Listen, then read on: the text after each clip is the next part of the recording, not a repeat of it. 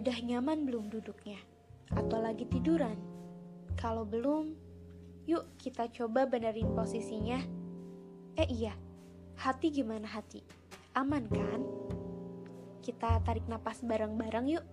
Nanti sambil tarik napas, bayangin udara yang kita hirup itu berwarna putih. Udara putih itu mengaliri tubuh kita semakin dalam, tarikan napas kita semakin tersebar luas kebaikan di dalam sistem tubuh kita. Bayangkan juga udara itu, udara yang kita hirup, mengandung kebaikan, kesegaran, kedamaian, energi positif, oksigen yang menyehatkan. Semakin dalam, dalam, dalam, semakin kita merasa segar dan sehat. Kemudian, pas kita keluarkan, bayangkan udara yang kita keluarkan itu berwarna hitam pekat terbuang sudah segala macam beban kita, masalah, keluh kesah, kegundahan, penyesalan. Yuk, tarik, keluarkan. Kemudian kita tersenyum, baik itu 3 atau 5 detik.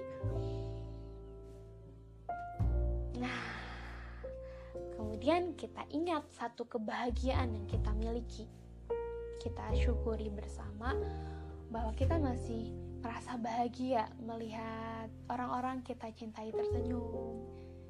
Kita masih bisa menggerakkan kedua bola mata kita.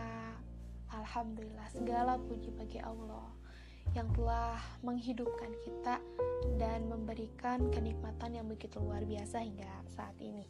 Nah, kita mulai aja yuk. Bismillah, Assalamualaikum warahmatullahi wabarakatuh. Semoga keselamatan, rahmat, dan keberkahan Allah terlimpah padamu.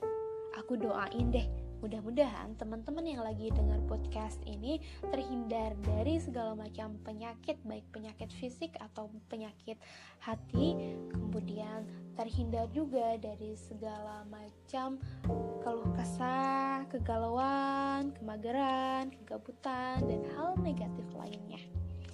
Nah, aku sedikit sharing tentang diet ya. Nah, sebelum itu aku mau nanya nih, teman-teman pernah nggak sih ngerasa minder gitu? Pas nge-scrolling IG terus lihat-lihat kehidupan selebritis gitu ya kehidupan artis yang kelihatannya tuh enak gitu. Ya mulai dari sandang pangan papan mereka kan luar biasa ya. Banyak hal yang mereka miliki gitu. Mulai dari penampilan yang istilahnya tuh hmm, langsing terus putih glowing ya kan? Tinggi. Wow pokoknya. Contohnya aja cinta Laura ini teman-teman. Cinta Laura kan kalau kita lihat cantik ya gitu. Badannya tuh bagus banget. Hobinya aja nge-gym terus makanannya tuh uh, kalau kata temen-temennya ya lo makannya daun mulu katanya.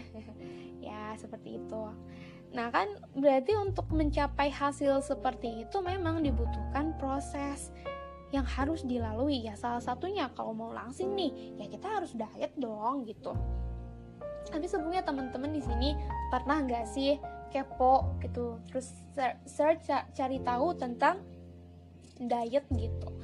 Diet itu kan bahasa Inggrisnya bahasa Indonesia juga sama diet. Itu di KBBI itu adalah ya secara umumnya ya secara umumnya itu usaha dengan mengatur pola makan dan nutrisi tertentu. Biar apa?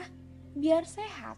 Kenapa harus sehat? Iya iya soalnya kalau udah sakit repot gitu. Ngapa-ngapain susah ngapa-ngapain serba terbatas. Pokoknya tuh serba nggak enak lah kalau lagi sakit. Sakit perut aja kan. Mau makan juga malas gitu kan. Nah aku bakal bahas nih tadi ya bahas dan sharing gitu empat tips biar dietnya awet. Yang pertama itu niat. Emang ya kalau bicara tentang niat itu klise gitu. Kita udah sering denger gitu. Iyalah segala macam. Niat niat niat. Iya tapi memang betul gitu. Sering kita dengarkan tapi it true gitu. Itu bener. Niat menjadi pondasi untuk memulai bahkan mensukseskan tujuan kita gitu kan? Nah kita harus tanyain dulu nih ke diri sendiri. Kita diet itu buat apa? Untuk siapa? Untuk langsing doang? Atau memang ada tujuan yang lebih besar dari itu gitu? Terus untuk siapa? Kita diet untuk diri kita biar sehat atau kita dietnya itu untuk dilihat dipuji orang biar kelihatan itu bagus gitu. Itu doang. Nah tentunya kan di sini harus hal yang mendasar itu harus kuat kan? Dietnya tuh untuk sehat dan untuk diri kita biar diri kita sehat kemudian Allah ridho kan? Ridho karena Allah menitipkan segala potensi segala organ-organ yang ada di dalam tubuh kita salah satunya organ pencernaan untuk apa kan? Untuk mengatur metabolisme pencernaan kita biar jadi energi. Untuk apa? Untuk melakukan ibadah gitu kan. Wa ma khalaqtul jinna wal insa illa liya'budun gitu tidak semata-mata kami ciptakan jin dan manusia melainkan agar mereka beribadah kepadaku. Artinya kan kita di dunia ini dilahirkan untuk ibadah. Untuk itu bahan bakar untuk melakukan ibadah itu salah satunya adalah dengan asupan nutrisi gitu.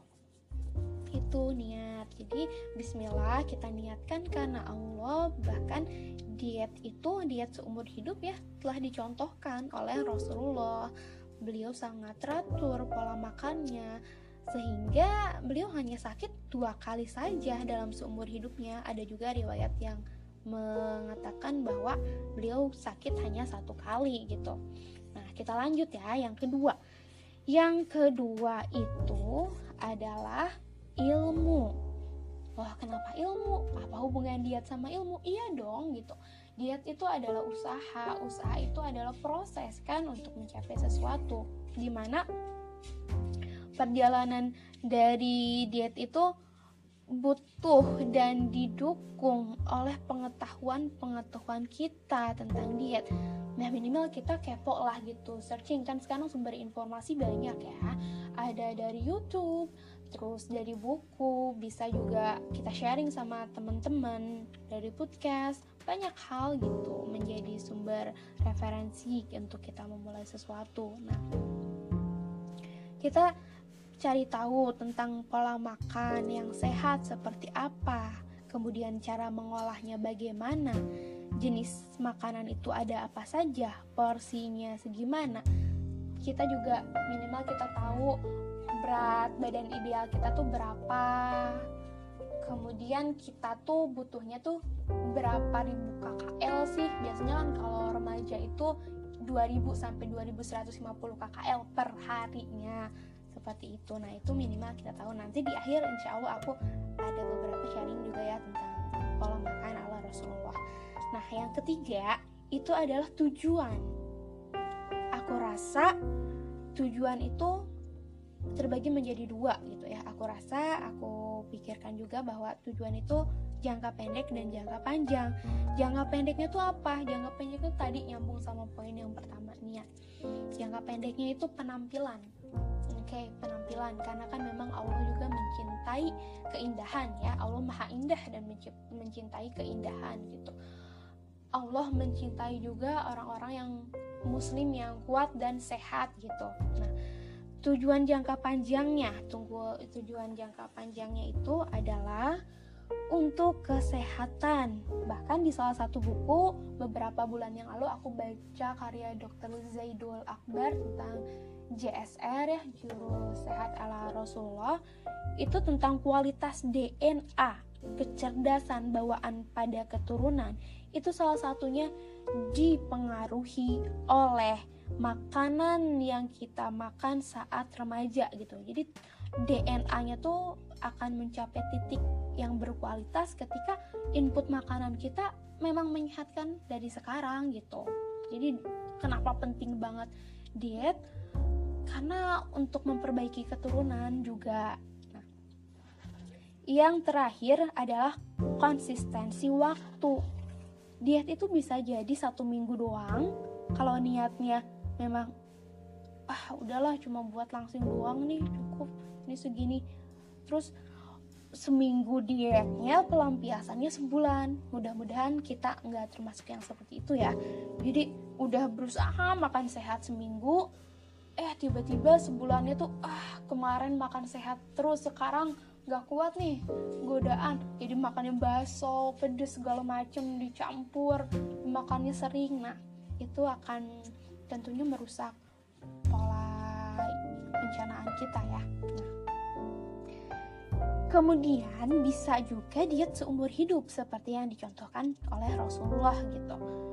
Itu ketika apa? Ketika niatnya kukuh, teguh bahwa bismillah, aku diet, aku mengendalikan pola makanku untuk sehat karena Allah mencintai muslim yang kuat dan sehat. Insya Allah itu akan lancar, akan awet dietnya, akan bertahan seumur hidup insya Allah. Begitu kiranya empat tips untuk mengukuhkan niat diet kita biar apa? Biar awet. Nah, aku udah ini mau sharing nih ya. Tadi udah janji tentang pola makan Rasulullah kalau aku baca buku di tempat temen waktu itu ya itu tentang jam biologis organ-organ yang ada pada tubuh kita Contohnya ya, ini karena berkaitan dengan pencernaan, jadi aku bahasnya lambung. Lambung itu mencapai titik terlemahnya itu jam 7 malam. Oleh karena itu, kita dianjurkan untuk tidak makan selebih jam 7 biar apa? Biar tidak memberatkan sistem pencernaan. Analoginya seperti ini. Ketika kita kerja kemudian jamnya sudah habis disuruh lembur sama atasan tanpa bayaran gimana kira-kira? Males kan? Capek gitu. Nah sama lambung juga. Tapi maha suci Allah yang telah menundukkan lambung lambung nggak sampai meronta-ronta ya. Eh aku udah habis nih jam kerjanya gitu. Udah dong makannya enggak ya? Sampai sekarang kita makan jam 8 jam 9 it's okay lambung nggak pernah marah tapi akan melemahkan sistem kerja lambung gitu akan memberatkan. Kasihan juga kan gitu. Jadi sebaiknya tidak makan jam 7 dan Rasulullah pun mengajarkan demikian.